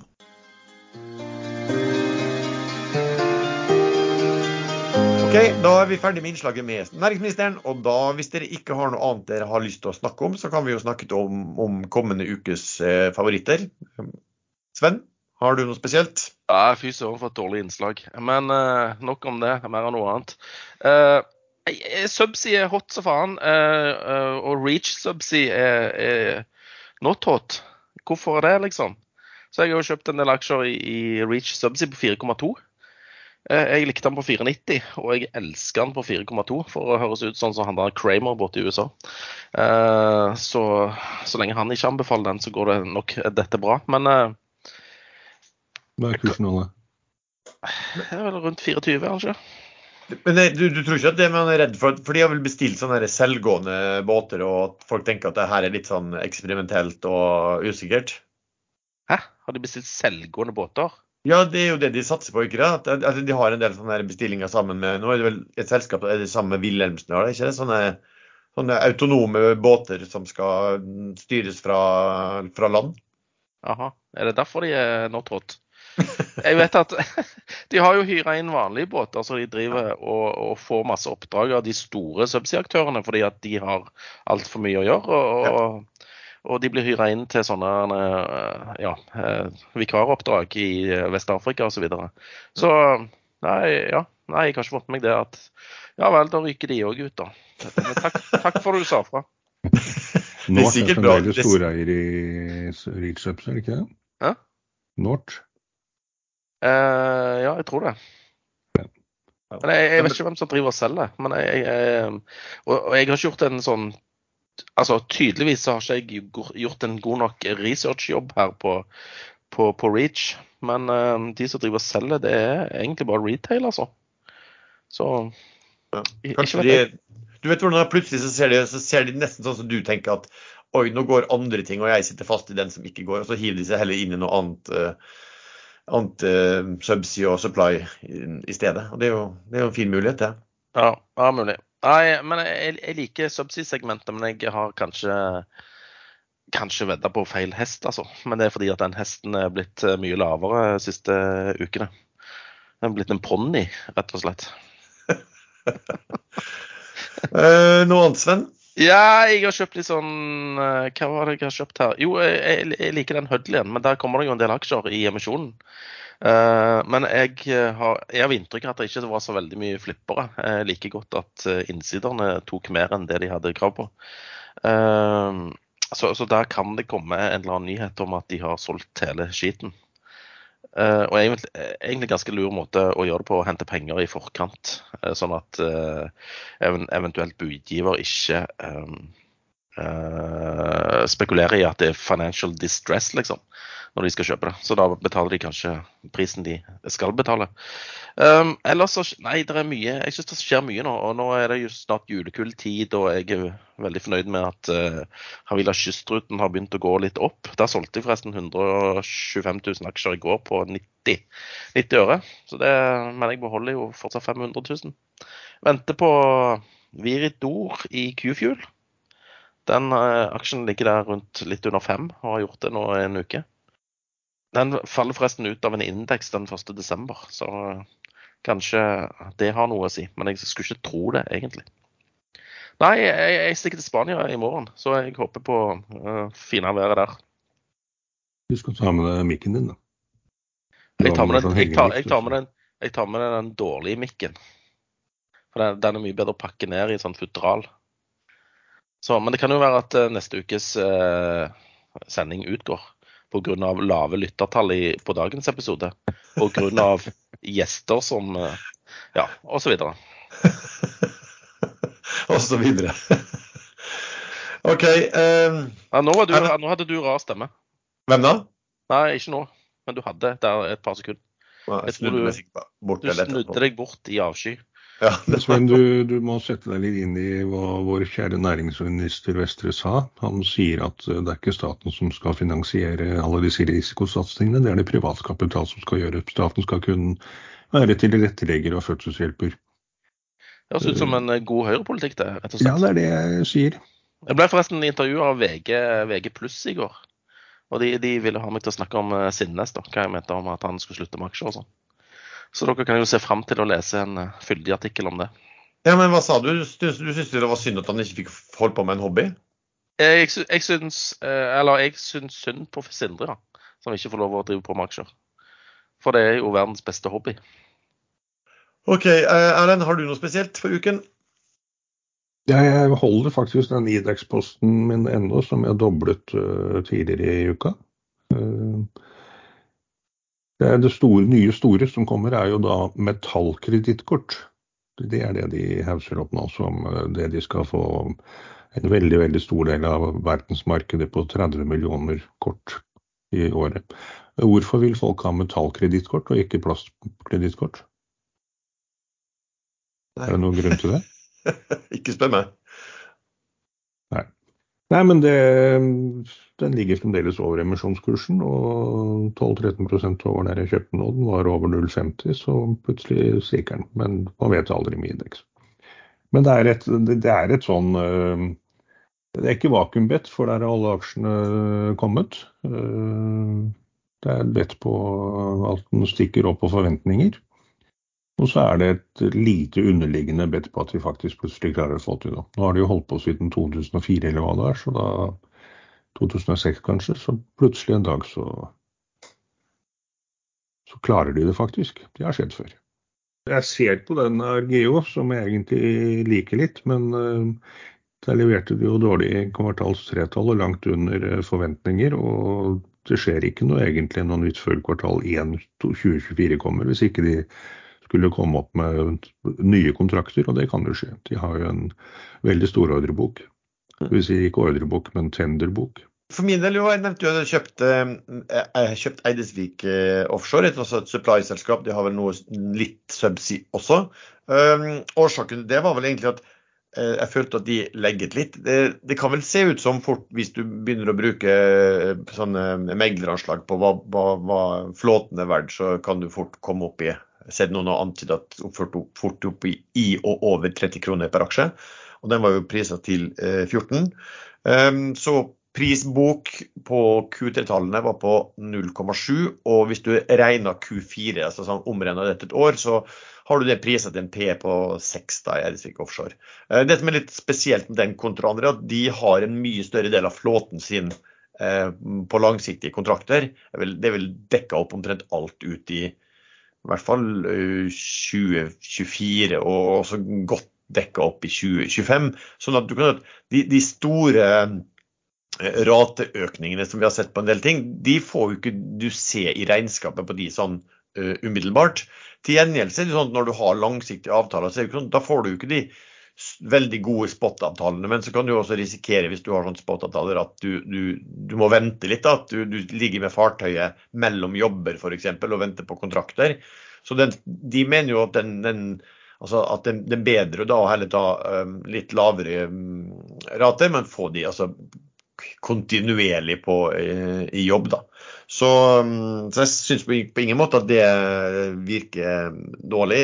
De er ikke noe særlig gira i forhold til andre også. så kanskje ikke så, så sexy i den måten, og, og så, hva skulle vi, så, så, spekulativ og spektakulær, da. Men eh, den ser ganske, den ser ganske bra sånn steady ut. Eh, jeg tenkte ikke bare nevne den eh, Nordic Unmanned, for der går vel også en reparasjonsemisjon går vel ut i dag. og Der har jo kursene i siste ligget rundt 50 øre, som var, som var emisjonskursen der. Så det blir vel sikkert ikke tegnet noe sånn spesielt mye der. Jeg sitter faktisk og vurderer, for jeg tror man kan tegne seg uten rett og slett og vurdere å gjøre det. Eh, fordi at det, det er kanskje en aksje som kan bli dratt litt eh, i etterkant. Eh, det får jeg bare se litt på. Og så vurderer jeg også, Nå er det jo stengt, eller det er vel åpent litt i dag, men jeg vurderer også å gå inn i Valaris igjen. Rigg har jo falt en del tilbake, generelt sett. Nå kom jo de Valaris med litt ja, egentlig skuffende kvartalstall, og, og, man måtte vel kutte litt eh, basert på hva de sa i forventet inntjening i 2024. Eh, Men det som da skjedde, var at den, den kursen falt ikke noe sånn særlig på det. Og den fremheves jo at det er der du får det billigste stålet blant riggselskapene. Eh, de har vel prøvd på jack-up-biten sin, kanskje å selge den flåten eller gjøre noe. Og jeg så også det var snakk om noen rykter i i eh, USA på at kanskje TransOcean kunne være interessert da, i eh, Valaris. Og TransOcean prises jo vanvittig mye høyere på stålet sitt, så, så da måtte jo det prise opp Valaris eh, ganske mye. da. Men, men, det er jo ikke noe aksjekursen som tilsier at det, det er sånne veldig sterke rykter, for da hadde jo sikkert den kursen vært, eh, vært enda sterkere. Men det, det, det er i hvert fall en jeg har på, på lista mi som eh, fort, eh, fort kan bli et, eh, et bet hva man vil ta. Jeg har jo litt grann, ja, 15 igjen av disse Wilco Drilling-aksjene. Litt usikker på hva jeg gjør. Her gjelder det liksom å finne ut hva, hva blir verdien og veien videre, og hva tenker disse store aksjonærer. Det er jo tre store aksjonærer der. Det er jo A. Wilhelmsen, og så er det QVT-fondet og Akastor. Og til sammen så eier jo de 80 da. Så det blir jo interessant å se hva, hva, hvis denne dommen blir stadfesta, noe man må anta at den blir, hva, hva, vil de gjøre med de pengene? Vil de bare dele ut og bli ferdig med selskapet, eller har de lyst til å gjøre en ny satsing? Det en, er jo en ganske sterk finansiell gruppering da, hvis de finner ut at, at, de vil bruke dette her og dette eh, framførbare underskuddet sitt i UK på, på, på andre ting. Skal vi si takk for denne gang, eller vil dere Jeg ha må noe bare mer å korrigere en liten feilinformasjon. Idex har ikke holdt på siden 2004, men eh, mars 2010. Nå er det korrekt. Da er det korrekt. Ok, Da takker vi så mye til deg som har lyttet på denne episoden. Du treffer stadig vekk oss tre chattene inne på Ekstrainvestor. Musikken er som lag, vanlig laget av sjazz.com, og vi høres. Hva for en aksje var det du glemte å fortelle om denne gangen? Eh, det, var, det er forståelig, Lars, men eh, jeg bare mobber deg.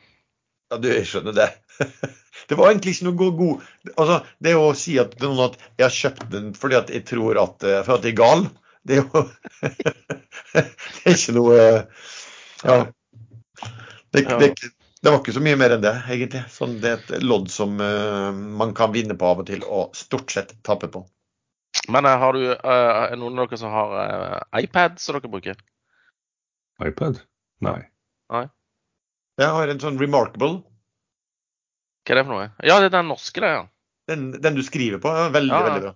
OK. Jeg bare lurte på om jeg skulle eh, skulle eh, spandere på meg en, en, en iPad. Begynner å se så dårlig på telefonen og trenger litt større tekst. Det er blitt jævlig bra. Så kan du få sånn eh, tastatur du slår på. Ja, det, det vil jeg ikke ha. For jeg har et gavekort jeg må bruke opp på 1000 kroner som utløper den 10. desember. Som jeg har hatt i tre år og aldri brukt. Så jeg må få brukt opp det innen tidsfristen. Ja, men da har du den, og så har du gevinsten din fra Wilco Drilling i tillegg til å kose deg med. Ja, jeg har tjent masse penger nå, jeg. Fornøyd jeg. Ja, det er bra. Jeg er ikke så sur nå. Jeg er ikke så sur nå lenger som jeg var litt tidligere. Det løy på hva eh, sånn 15 000-20 000 gjør med humøret.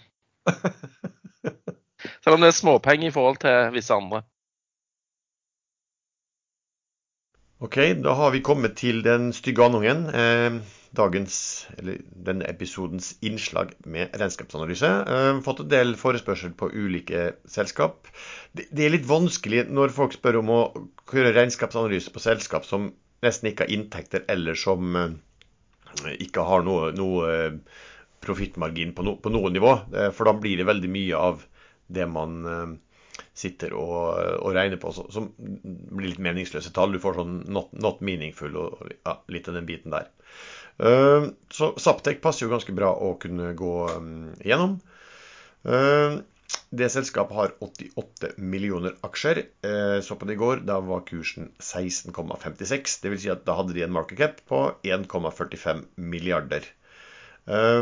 Nå, det har vært en helt sånn ny nyhetsflow helt til det siste. Det er jo også at eh, toppsjefen han avgikk i oktober. Eh, CFO-en er midlertidig inntil man leter etter en etterfølger. Og det var også nå, vel på mandag denne uken, så tok et styremedlem og solgte. Han solgte vel 90% av aksjene sine. Eh, og det gjorde han på 18 pluss. Um, Saptek kjenner kanskje mange til. Det er jo da salg av uh, billadere. Um, 65 uh, eksportandel. Uh, og uh, det er vel da Norge, Sverige, Danmark og Sveits som er uh, hoved... der de har sine store inntekter. I, hittil i år så har de altså per Q3 en inntekt på drøye 1 milliard. Um, det er da 105 over nivået fra året før. 80, I Q3 så vokste de 86% year over year på bunnlinja. Bruttofortjenesten har jeg forklart før hva det er, men jeg kan gjenta det. Det vil si at du tar eh, salgene minus eh, hva det koster, altså varekostnaden, materialkostnaden for varene. Eh, og da får du da en, sitter du igjen med fortjeneste, en prosentandel av det bruttofortjenesten. Og da selvfølgelig, jo bedre, høyere bruttofortjeneste du har, jo bedre, og det er også viktig for den type selskap å se på utviklingen av den. Eh, Der har du i eh, 2022 har du hittil i år en bruttofortjeneste på 39,5% Den var noe høyere i fjor, 41,7% men i Q3 så var den opp igjen til 41% Driftsresultatet, altså EBIT, year to date, er jo da den eh, drøye 60 millioner. 60,7 for å være nøyaktig. Og det er også en økning på 414% i forhold til året før. Og, og da er det jo litt morsomt å registrere seg at de har økt resultatet sitt med 414 eh, men aksjekursen har halvert seg siden Q3 eh, i fjor. Og det er jo ja, enkelte grunner til det. Hvis du da regner om driftsresultatet hittil i år til, til et altså, Jeg bruker ofte å regne om driftsresultatet da, hittil i år ganger med 1,33, og da får du da om, omregnet til år. Eh, men nå er det jo sånn at eh, Og da ville du matematisk vært på 80 millioner eh, per 2023. Men hvis man bruker Altså hvis man antar at Q3, Q4 blir som Q3, da blir det mye høyere, for Q3 var særdeles godt. Så mm, jeg bruker litt midt imellom de to, da. Og da kom jeg fram på, en, um, på et EBIT for 2023 på 95 millioner. Og det er litt mindre enn jeg har sett et meglerhus har brukt, så det er kanskje ganske bra å, å benytte det.